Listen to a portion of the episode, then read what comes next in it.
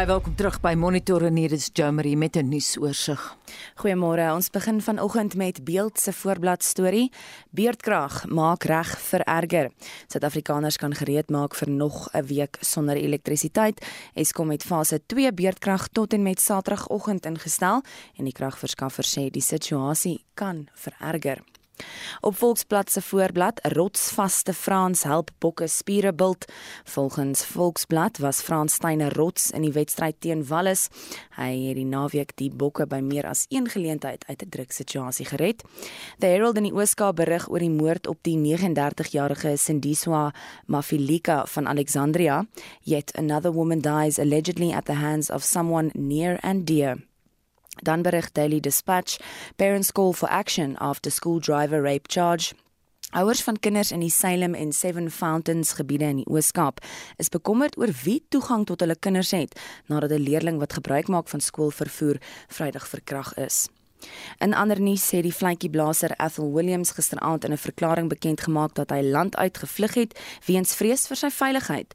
Williams het oor het voor die kommissie van ondersoek na staatskaping getuig oor verskeie individue en maatskappye insluitend die Suid-Afrikaanse Inkomste Diens. Dan het die DA se federale raad gister bevestig dat die party nie belangstel in koalisieregerings met die ANC of die EFF in die drie Gautengse metrorade nie en dan sluit ons af met nuus uit die buiteland. Agt feesgangers is Vrydag aand tydens 'n stormloop by 'n musiekfees in Houston in die VSA dood waar die kletsrymer Travis Scott opgetree het. Sowat 25 mense is gehospitaliseer en die res van die musiekfees is na die voorval gekanselleer. Twee ondersoeke waarvan een strafregtelik is word nou van stapel gestuur. En dit was Jo Marie en sy het juis vir ons nou vroeër vertel dat Eskom het nou fase 2 beerdkrag tot en met Saterdagoggend ingestel en die kragverskaffer sê die situasie kan selfs vererger. Nou wil ons ver oggend weet, hoe oorleef jy beerdkrag? Dis 'n verskynsel wat baie mense se lewenspatrone totaal de mekaar krap met ligte wat in die nag aangaan, afgaan, besighede wat geld verloor en boonop hou Eskom nie altyd by sy skedule skedules nie, so mens weet nie om te beplan nie. Gebruik jy die kans om Kerslig etes om 'n tafel saam met jou gesin te geniet. Laat ons weet stuur 'n SMS na 45889. Onthou dit kos R1.50 of gaan na ons RSG Facebookblad of WhatsApp vir ons stemnota na 076 536 6961 076 536 6961 en ons bly by krag. Eskom het fase 2 beerkrag tot Saterdagoggend verleng. Johannesburg se elektrisiteitsagentskap City Power hou intussen vol dat hy 'n aanvullende elektrisiteitsbron bekom het wat beerkrag oorbodig maak. Die agentskap waarsku dat hy oorweeg om Eskom hof toe te sleep oor die voortgesette beerdkrag. Die woordvoerder van City Power, Isaac Mangena, Selfvoel beerdkrag is onbillik teenoor die stad se inwoners omdat Johannesburg ook krag van die Calvin kragstasie kry. Mangena sê dis genoeg om as 'n buffer teen beerdkrag te dien. As things stand, Eskom was actually refusing about that and that's why as the city of Johannesburg on behalf of our residents we are basically taking them to court because we believe that whatever that Calvin is supplying is sufficient enough for the residents of the city of Johannesburg to be excluded mm-hmm. from the load shedding, at least stage one and stage two, maybe stage three and stage four, but at least stage one and stage two, and the residents are paying for that.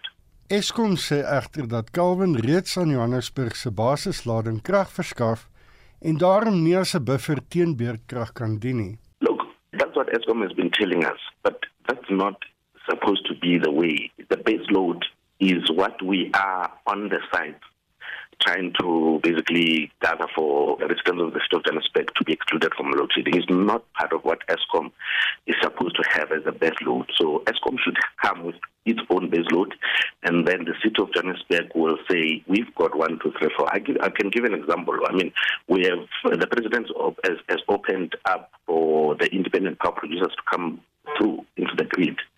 So Kelvin is independent power producer. Is not part of ESCOM. Is not part of City Power per se, we are paying Kelvin for that base load.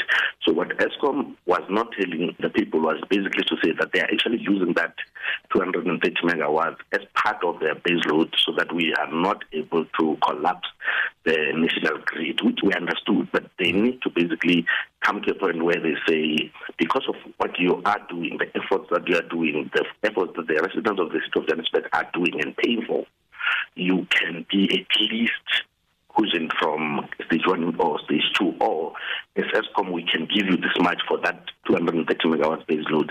So that's not coming through from ESCOM, and that's why we believe that ESCOM is not playing fair with us as the city of Johannesburg, and is not playing fair to the residents of the city of Johannesburg. Mangena sê verder dat hulle beplan om kragvoorsieningsooreenkomste met ander kragstasies ook te sluit. Our future plans are basically that we need to get more people like Kelvin Power Station into our grid so that we are able to basically cut the over dependence on ESCOM. So what we are doing, and of course allowed by the law that the president is actually through, is that we can actually invite independent power producers and we will welcome that so that we are not dependent on ESCOM and its problems. So when ESCOM has got its problems, we want to get to a point where basically the city of Johannesburg residents are not affected by the problems that ESCOM has. Dit was City Power se woordvoerder, Isaac Mangena, in gesprek met SAFM. Ek is Hendrik Martin vir SAK nuus. En ons bly by die onderwerp en ons praat nou verder met 'n dosent aan die skool vir chemiese en mineraal ingenieurswese aan Noordwes Universiteit, Corneels Skabord. Goeiemôre Corneels. Môre Anita. Dink jy kom 'n hofsaak? Wel, dit is vir my interessant as ek vat dat Eskom is 'n staatsbeheerde entiteit en City Power rapporteer aan die stad van Johannesburg en is ook 'n staatsbeheerde entiteit mm. en 'n staatsbeheerde entiteit te mekaar begin hof toe vat dan maak dit my negatief want dit is belastinggeld en belastinggeld wat ons moet betaal en op die einde van die dag gaan mense dit in 'n hof uitstook en ek voel net daar is nie tyd gegee word die kragkrisis in Suid-Afrika om in howe dinge te besleg nie. Ek glo dis nodig dat ons volwasse optree, dat mense om die tafel sit en met praktiese oplossings vorendag kom. Want ek sit en dink daaraan, wat gaan die uiteinde wees? Mm. Ongeag wie wen, beurtkrag gaan nie minder word nie. Dit is nie eweskielik as daar meer krag geproduseer gaan word nie. En as Johannesburg dalk een fase laer kry, dan gaan dit afgewendel word na die res van Suid-Afrika. So dit is nie regtig vir my op hierdie stadium van die geveg iets wat ons nou aanspreek nie. Daar's groot probleme en daai belastinggeld moet eerder daarvoor hmm. gebruik word. Cornelis, ek het baie vrae vir jou. So antwoord kort as jy kan. Hulle praat in die bydra van base load of basislading. Ja. Wat presies is ja. dit? Wel, dit is net 'n 'n minimum hoeveelheid wat jy redelik konstant kan lewer. Nou histories het mense gesê steenkoolkrag gee vir daai basislading, maar as ons kyk na die aanlegte van vandag, dit gee nie regtig eers meer vir daai basislading nie, maar 'n basislading is net 'n fluktuerende hoeveelheid krag wat jy kry. So dis nie so son en wind wat fluktueer as die dag aangaan nie, dis aan of af. Dit is die basislading. En wat sê City Power? Ekskuus weer. City Power se argument 'n verband met baseloading. Ja, ja so wat hulle basies sê is is dat hulle koop die krag aan by Kelvin. So met ander woorde, ek kan nie nou gaan en sê maar dit is ingereken in die aanvanklike berekeninge van hoeveel krag jy ontvang nie. So koop jy dit self ons het van ons kant af ingereken as basislading vir julle. So daar gaan mense moet praat want daar daar's Marita in die saak en mense moet oor die tafel praat hoe dit werk. Want ek vat om met bevoor wat die Weskaap het, om met daai waterskema word ook deur Eskom bedryf. So dis ironies Kaapstad kwalifiseer vir een fase minder om nie is 'n Eskom gedrewe kragstasie waterskema terwyl Kelvin is 'n privaat besit en daar word nie gekwalifiseer vir daardie fase vermindering nie. So dit is nie asof daar geen meriete is in dit wat die uh, City Power persone sê nie. Die vraag is net wat is daai veel krag en is na 200 megawatt relatief tot die totale gebruik van Johannesburg of dit 'n fase regverdig? Dit is wel 'n goeie vraag. Hoe is dit dan dat Eskom nou ruk gelede druk op City Power kon uitoefen om wel beerdkrag toe te pas? Wel daar was 'n uh, 'n krisis en ek en ek kan ook aflei uit die uit die onderhoud dat City Power dit begin insien want as City Power net eensydig sou besluit ons gaan dit doen nie is daar 'n risiko dat die kragnetwerk in daai kan stort. Hmm. So ek ek glo daar was was goeie um, gewillendheid van hulle, welwillendheid van hulle kant af om om te sê ons doen dit. Maar dit, ek het destyds gevoel dinge is uitgepraat, maar duidelik dinge is nog nie uitgepraat nie en nou kom die hofsaak opsie dan weer na vore. Cornels, jy het nou verwys na Kelvin, maar baie kortliks daaroor gepraat. Kan City Power beerdkrag gedeeltelik of in geheel elimineer deur van Kelvin kragstasie gebruik te maak? Ek glo nie Kelvin op sy eie is is groot genoeg om daai totale beerdkrag aan te spreek nie en ons het ook gehoor het in die onderhoud dat die stad van Johannesburg is besig om te kyk na alternatiewe en ander munisipaliteite en metros is besig om dieselfde te doen hmm. en ek wil hulle loof dat hulle dieselfde doen want ons het addisionele krag nodig en om op Eskom te hoop ek dink nie dit is wys nie. Jy het nou verwys na ander stede watter Wel, as ons kyk as ek as ek luister na die uh, burgemeester uh, wat in waiting van Kaapstad, daar word definitief van Kaapstad word daarvan gepraat.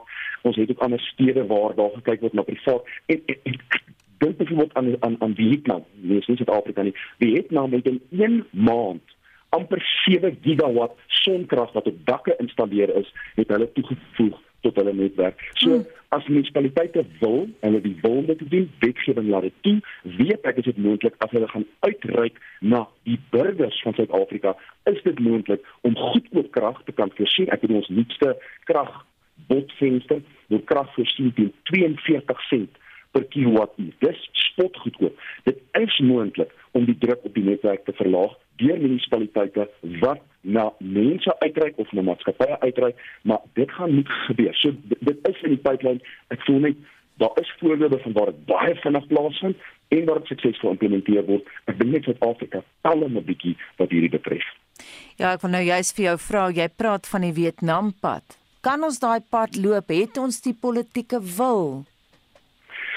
Wel, En in alle eerlikheid, eh, ons het gesien met die met die plaaslike verkiesing tans dat een van die groot redes vir die afname in steun was mense wat bloot net gesê het ons is siek en sal vir beurtkrag.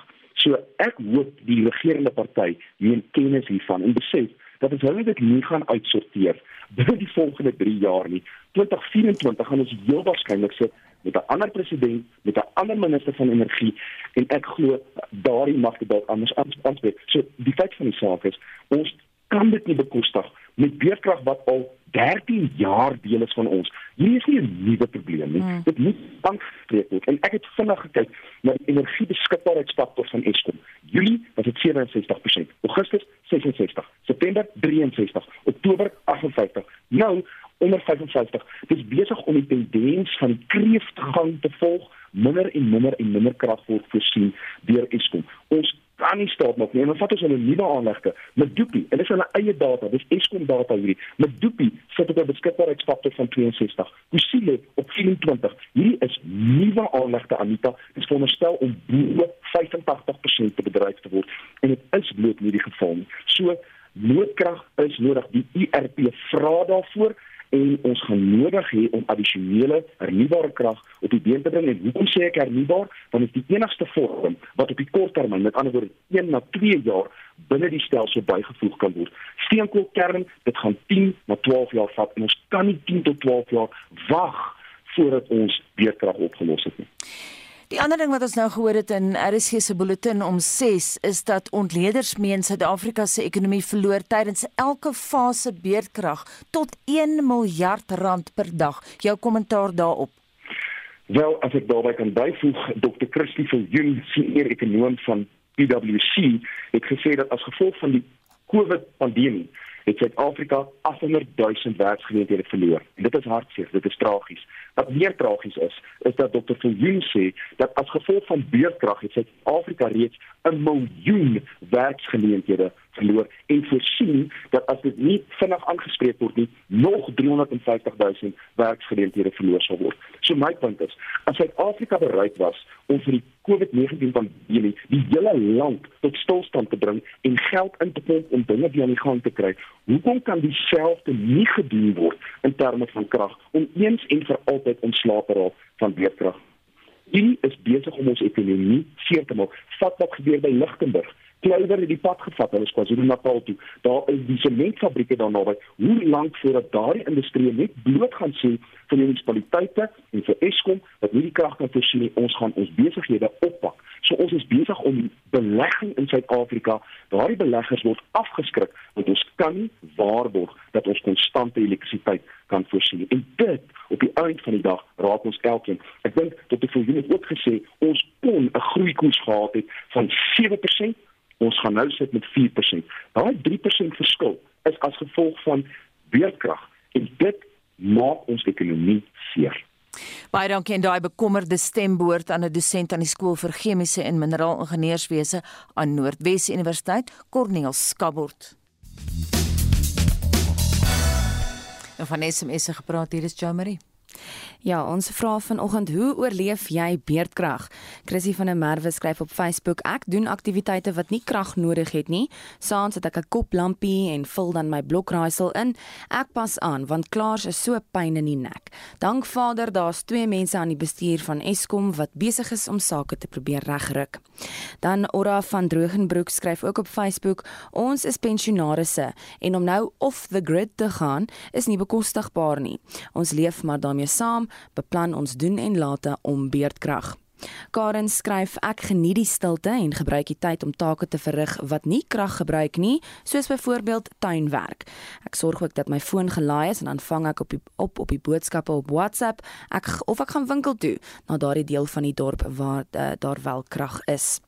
En dan op die SMS lyn skryf Samuel Walters: Ek hou van kragonderbrekings en gebruik saans parafienlampe wat my laat dink aan my kinderdae op die plaas. En dan dik wat skryf: Ek het nie kinders nie, maar ek bekommer my oor die kinders wat moet leer vir die eksamen sonder elektrisiteit. Nou ja, beerdkrag krap mense lewenspatrone goed te mekaar. Wat doen jy om dit te oorleef? Stuur 'n SMS na 45889, dit kos jou R1.50. Jy kan saampraat op ons Facebookblad Monitor en Spek Spectrum op RSG of WhatsApp vir ons stemnota. Hou dit onder 30 sekondes as jy kan. Die nommer daar is 076 536 69 61. Samuel Walters laat my nou ook dink aan uh, plaastye en daai reuk van parafin wat vir baie lekker is. 636 welkom by Monitor. Ons kyk nou na internasionale nuusgebeure. In die huidige COP26 klimaatsberaad in Glasgow verskil heelwat van die Parys COP-beraad. So sê Solidariteit se buitelandse woordvoerder Jaco Kleinlands en ons praat ver oggend met hom. Môre Jaco. Goeiemôre Anita. Die verhouding tussen die VSA en China het heelwat verander en dis maar net een aspek van die politieke dinamika by Glasgow wat baie verander het. Wat staan vir jou uit? Ja, sonder twyfel Anita, as mens terugdink aan 2015 uh, in die Parys-beraad, onthou mens foto's van uh, president Barack Obama van Amerika en Xi Jinping van China. Uh, twee leiers wat op daardie tydstip natuurlik 'n veel beter verhouding gehad het as wat die twee lande se leiers tans het. Uh, en wat ook saamgewerk het om sekere klimaatdoelwitte te bereik uh, wat gelei het tot die uh, Parys akkoord wat gesluit is uh, en en wat histories was weens die groot hoeveelheid lande uh, wat dit onderteken het. Nou uh, die hele uh, COP26 beraad by Glasgow vir jaar word eintlik gekenmerk deur daardie olifant in die vertrek en dit is eintlik die afwesigheid van China. Uh, die Chinese president Xi Jinping wat nie het maar gelede jaar oor see gereis het nie uh, en wat ook nie verlede week maandag en dinsdag die leiersberaad in Glasgow bygewoon het nie. Uh, en ons sien China uh, is die grootste uh sondaar op hierdie stadium wanneer kom by kweekhuisgasse uh en en enige ooreenkoms wat bereik word uh om klimaatsverandering te bestry um uh, is eintlik in 'n groot mate en dit sê die leiers vir mekaar ook daar in Glasgow uh is is eintlik swak in die China nie deel is van mm. van die gesprek nie nou net die, die kontras in daardie verhouding jy weet verlede dinsdag aand toe Joe Biden terugkeer na die VSA toe het hy eintlik redelike harde woorde gehad te Xi Jinping en Vladimir Putin van Rusland. En dit het vir ons bewys hoeveel daardie verhouding in in 6 jaar swak het tussen die VS en China. Die Franse president maak veral sy stem dik by hierdie spesifieke beraad. Wie neem in Europa nou die leiding? Ek sien Angela Merkel is stil.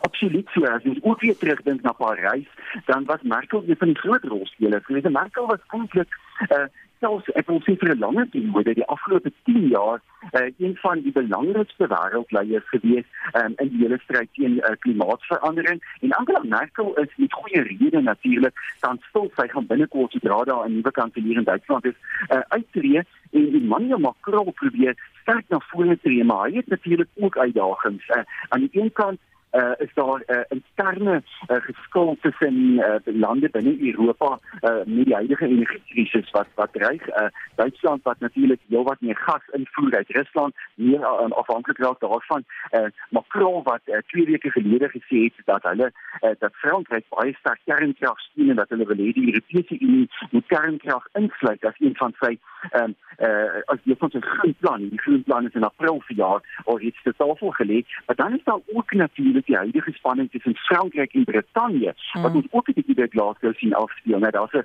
daar's 'n groot Brexit geskuld tussen die twee lande op die oomblik aan die gang so die afgelope 2 weke en ongelukkig dink ek nou al die die goedes, al die die um, die spanning tussen uh, wêreldleiers dan veroorsaak dit ongelukkig 'n bietjie skade in die die uitsette die doelwitte wat eintlik bereik moet word by Glasgow.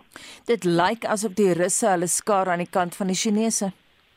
Ja, dit definitief so en dit het reeds begin voor Glasgow. Dit het begin verlede naweek uh, by die G20 beraad in Rome uh, waar natuurlik nie Vladimir Putin of Xi Jinping deelgeneem het aan die beraad nie. Eintlik is sonderlik om te dink dat twee sulke uh, groot lande, twee van die grootste ekonomieë in die wêreld, nie in die G20 beraad of aan hierdie klimaat uh, beraad deelneem nie. En ek dink dit is dat die een van die twee lande ernstig is oor die hele klimaatkrisis. Dit is eerder dat hulle 'n politieke stelling wil maak rondom die huidige uh, spanningslyne. Amerika wat se verhouding uh, swakker is uh, nie net swakker is met met China nie maar ook met Rusland. Um, in in die stad die politiek ongelukkig af op hierdie terrein? So ja Vladimir Putin wat ook eintlik um, nie eens 'n rede gegee het hoekom hy besluit het om nie een van twee ehm uh, geleenthede in Rome of in Glasgow by te woon nie. En in 'n sin um, sluit hy homself daarbey aan by China hoewel China en en Rusland eh uh, natuurlik wesentlik verskil oor hulle eie klimaatsdoelwitte. So uh, onsekerheid daaroor presies hoe dit gaan uitspeel en en en of daar later hierdie week miskien tog 'n verbintenis gaan wees van die twee lande om om wel deel te neem aan 'n soort van nuwe ooreenkoms. Die Indiërs is besig om hulle self te distansieer van Beijing Beijing? Absoluut so en en dis nie net Indië nie, dis ook ander lande in Asië wat wat regtig positief is. Ek dink die een positiewe ding of een van die positiewe dinge wat verlede week um, na vore gekom het, is Indië se verbintenis om wel sy kweekhuis uh, gasvrystellings te verlaag. En dit Indië is eintlik een van die grootste risiko's op die oomblik in die wêreld. Weens sy geweldige uh, vinnig groeiende bevolking, um, sien mense dat dat die per capita uh, energieverbruik in Indië is op die stadium laag, maar dit neem die vinnigste toe van alle lande in die wêreld. En daarom is daar natuurlik 'n baie groot risiko dat Indië oor uh, 10 of 20 jaar van nou af die grootste uh, sonnevulkaan raak indien hulle nie begin om om na alternatiewe energie te kyk nie. En Narendra Modi se se um, verklaring verlede week dat dat Indië uh, koolstofneutraal sal raak in 2070 um, was eintlik die eerste stap gewees, 'n groot stap gewees vir Indië. En daarvoor daarmee skaal Indië om natuurlik in groot mate by die VSA by Europa by ander westerse lande iets wat hy die afgelope tyd gedoen het. Hy skaar hom ook by Japan, Vietnam, Suid-Korea en ander Asiatiese lande. En hier dink ek is dit belangrik om te sien dat China toenemend geïsoleerd raak. Ek dink uh, die Chinese president se besluit om nie op C26 in Glasgow by te woon nie, uh, dra by tot die groter wordende isolasie van van China op die globale terrein en en Indië het daardie politiek natuurlik baie slim gespeel. Mm. Laasens en kortliks, wat kan 'n mens van die beraad verwag? Ons weet dat die Sweedse omgewingsaktivis Greta Thunberg dit reeds as 'n klug beskryf het, maar sy kan nie 'n hoofdige uitsprake maak, dit weet ons ook. Ja, absoluut so en en ek dink dit moet daar was verbystuur. Daar verlede week twee positiewe dinge gebeur. Die een was natuurlik ehm um, dat ontbossing moet gestaak word in 2030. Mm. Baie lande het hulle daartoe verbind het en die ander een is die uitskakeling van steenkool. Wat toe baie lande homself verbind het, lande soos Suid-Korea wat 'n groot sonnebok is, moet uh, baie positief daaroor wees. Uh, uh, daar is rede om skepties te wees dat daar teen die eerskomende Sondag wanneer die beraad tot 'n einde kom nou een of ander groot nuwe ooreenkoms bereik geword. Justin Trudeau van uh, Canada het gesê die vraag is wat kan lande in praktyk gaan doen? Watter praktiese vordering word daar gemaak? Dit help nie 'n land so China verbind homself tot koolstofneutraliteit teen 'n sekere datum, maar daar word nie wesenlike praktiese vordering gemaak nie. En uiteindelik um, dink ek nie al kom 'n groot nuwe ooreenkoms vind hierdie week nie, maar wel miskien heelwat gesprekke oor oor, oor praktiese planne en en dit wys vir ons tans die uitdaging van leierskap uh, in die wêreld en ek dink dit is een van die groot probleme. Ons is nie waar ons in 2015 was nie. Ons sit ongelukkig met uh, Amerika wat 'n verswakte president het, China wat geïsoleer is, Europa wat tans eintlik in 'n sin leierloos is en, en daardie leier leierskapsprobleme speel ook af ongelukkig in plaaste. Baie dankie so sê Solidariteit se buitelandse woordvoerder Jaco Kleinans.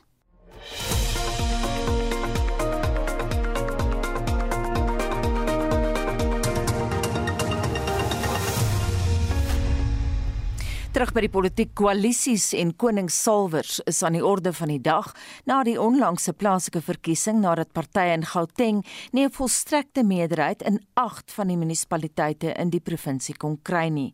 Dit behels 3 metros ook. Politieke partye het reeds voelers na mekaar begin uitsteek, maar daar is sekere beginsels wat sommige politieke partye beskou as ononderhandelbaar. Lila Magnus het die agtergrond. Daar is 8 munisipaliteite in Gauteng waar daar nie 'n volslae meerderheid deur enige politieke party bereik kon word nie. Die metros van Johannesburg, Tshwane en Ekurhuleni is onder die 8. Die nuweling Action SA vra op sy webwerf vir sy kiesers hoe hy koalisies moet benader. Action SA is egter onbeskaamd reguit dat hy nie saam met die ANC in 'n koalisie sal wees nie, sê die nasionale woordvoerder Lerato Ngobeni. We'll go into coalition discussions with a party that is committed to a zero tolerance stance on corruption. Secondly, we will go into a coalition on the basis of transparency. As you know, we have been running since Thursday a public participation poll on our website. Three, we will go into coalition discussions with an organization that is prepared to agree to a service delivery agenda upfront. Die Demokratiese Alliansie sê hy is bereid om met enige party saam te werk solank hulle met die 17 beginsels wat op sy webwerf publiseer is, saamstem. Hoopvolle koalisievennote sal ook 'n eed van goeie regering, nie rassigheid en die verwerping van geslag en raskwotas moet aflê. Die Vryheidsfront Plus het aansienlik in die afgelope verkiesing gegroei en sy getal setels het verdubbel. Die leier Pieter Groenewald sê hulle sal uit beginsel nie saam met die ANC of EFF werk nie. Verder wil ons sê dat ons moet doodseker maak dat dit moet 'n uh, koalisie wees wat kan ek amper sê bestendig sal wees, wat volhoubaar sal wees en daarom sal ons gaan kyk wie is die ander koalisievennote om te verseker dat hulle betroubare koalisievennote is. Die ideaal is om byvoorbeeld sê net tussen sê twee of drie politieke partye 'n koalisie te kan vorm. Verder sê ons dat dit moet 'n vereiste wees dat die ooreenkoms as dit bereik is, moet dit openbaar gemaak word Die ekonomiese vryheidsvegters sal in 'n koalisie gaan met enige party wat dienslewering vir alle Suid-Afrikaners kan gee, insluitend water, grond en werk. Hulle wil ook hê alle koalisiekontrakte moet gepubliseer word vir die publiek. Die Patriotic Alliance wat ook die pendulum in groter partye se rigting kan swaai, het 'n paneel saamgestel om met ander partye oor koalisies te onderhandel die hoof van regsaake by die PA Eugene Botha. Ons het 'n lys van rooi lyn items. Die eerste een is natuurlik geen korrupsie nie. Nommer 2, ons wil hê dat die wie ook al in die koalisie is, saam met ons werk om die indigent policies en die dead right of policies toe te pas. So die die derde beginsel is uh, dienslewering. Dis wat ons sê is non-negotiables een van die poorte van die tafel. Dit moet gebeur. En so ons verstaan 'n koalisie is 'n uh, is wat hulle noem 'n voting rights agreement. Dit is nie 'n vennootskap nie, dit is nie 'n troue nie. Die ANC het ook 'n span saamgestel om die koalisie onderhandelinge te hanteer. Ek is Lila Magnus vir SAIK nuus in Pretoria. Terwyl Afrika lande sukkel om COVID-19-enstowwe te bekom en toe te dien, het die Afrika Sentrum vir Siektebeheer besluit dat die kontinent se eie enstowwe moet vervaardig. Die oogmerk is dat Afrika teen 2040 in 60% van sy behoeftes aan enstowwe moet kan voorsien. Dit is wyer as net die COVID-19 pandemie en sal op 22 siektes konsentreer insluitend malaria, TB en geelkoors. 'n Webinar deur die nie-regeringsorganisasie Dokters Sonder Grense het Afrika se vermoë om sy eie COVID-19-enstowwe te vervaardig onder die loep geneem. Dries Liebenberg het meer. Suid-Afrika het tot dusver 39% van die volwasse bevolking teen COVID-19 ingeënt. Net meer as die helfte van die 67% teiken vir die einde van die jaar. Hierteenoor is net 3% van Afrika se bevolking ingeënt. Dr Nikes Ndembi van die Afrika Sentrum vir Siektebeheer sê op die oomblik word 99% van alle enstowwe na Afrika ingevoer. Ndembi sê 'n plan van aksie sal binnekort bekendgestel word om Afrika teen 2040 in staat te stel om 60% van al die enstowwe wat die vasteland gebruik plaaslik te vervaardig. We're also engaging with different frontrunners, member states that have expressed an interest that I mentioned earlier to support their own vaccine manufacturing ecosystem. So that's quite important. We're reaching out to donors. We're trying to uh, really identify key support around R&D and talent development. Die webinar het die kolle geplaas op twee maatskappye in Afrika wat daaraan werk om self COVID-19-enstowwe te vervaardig. Een is Sotema in Marokko wat teen die einde van die jaar sy eerste bestelling van Sinovac sal lewer. Dis 6 maande nadat die regering 'n ooreenkoms met Sinopharm gesluit het. Dr Mehdi Saglul van Sotema sê 'n span Chinese kundiges het 3 maande lank met die maatskappy saamgewerk om hulle tegniese kennis te deel. In Suid-Afrika is Affigen van plan om Moderna se COVID-19-enstof terugwerkend te ontsyfer. Afrigen se besturende direkteur, Petro Terblanche, sê hulle wil 'n enstof produseer wat nie teen -20°C gestoor hoef te word nie. So it's an integrated approach here, working with partners and utilizing the competence and capabilities in Africa and the support of African CDC and African Union and our government and WHO MPP to reach a goal that in a year from now, we will produce clinical trial material of a vaccine which is non-inferior to the Moderna vaccine but may have interesting thermostability qualities that makes it more suitable for the environments we focus on.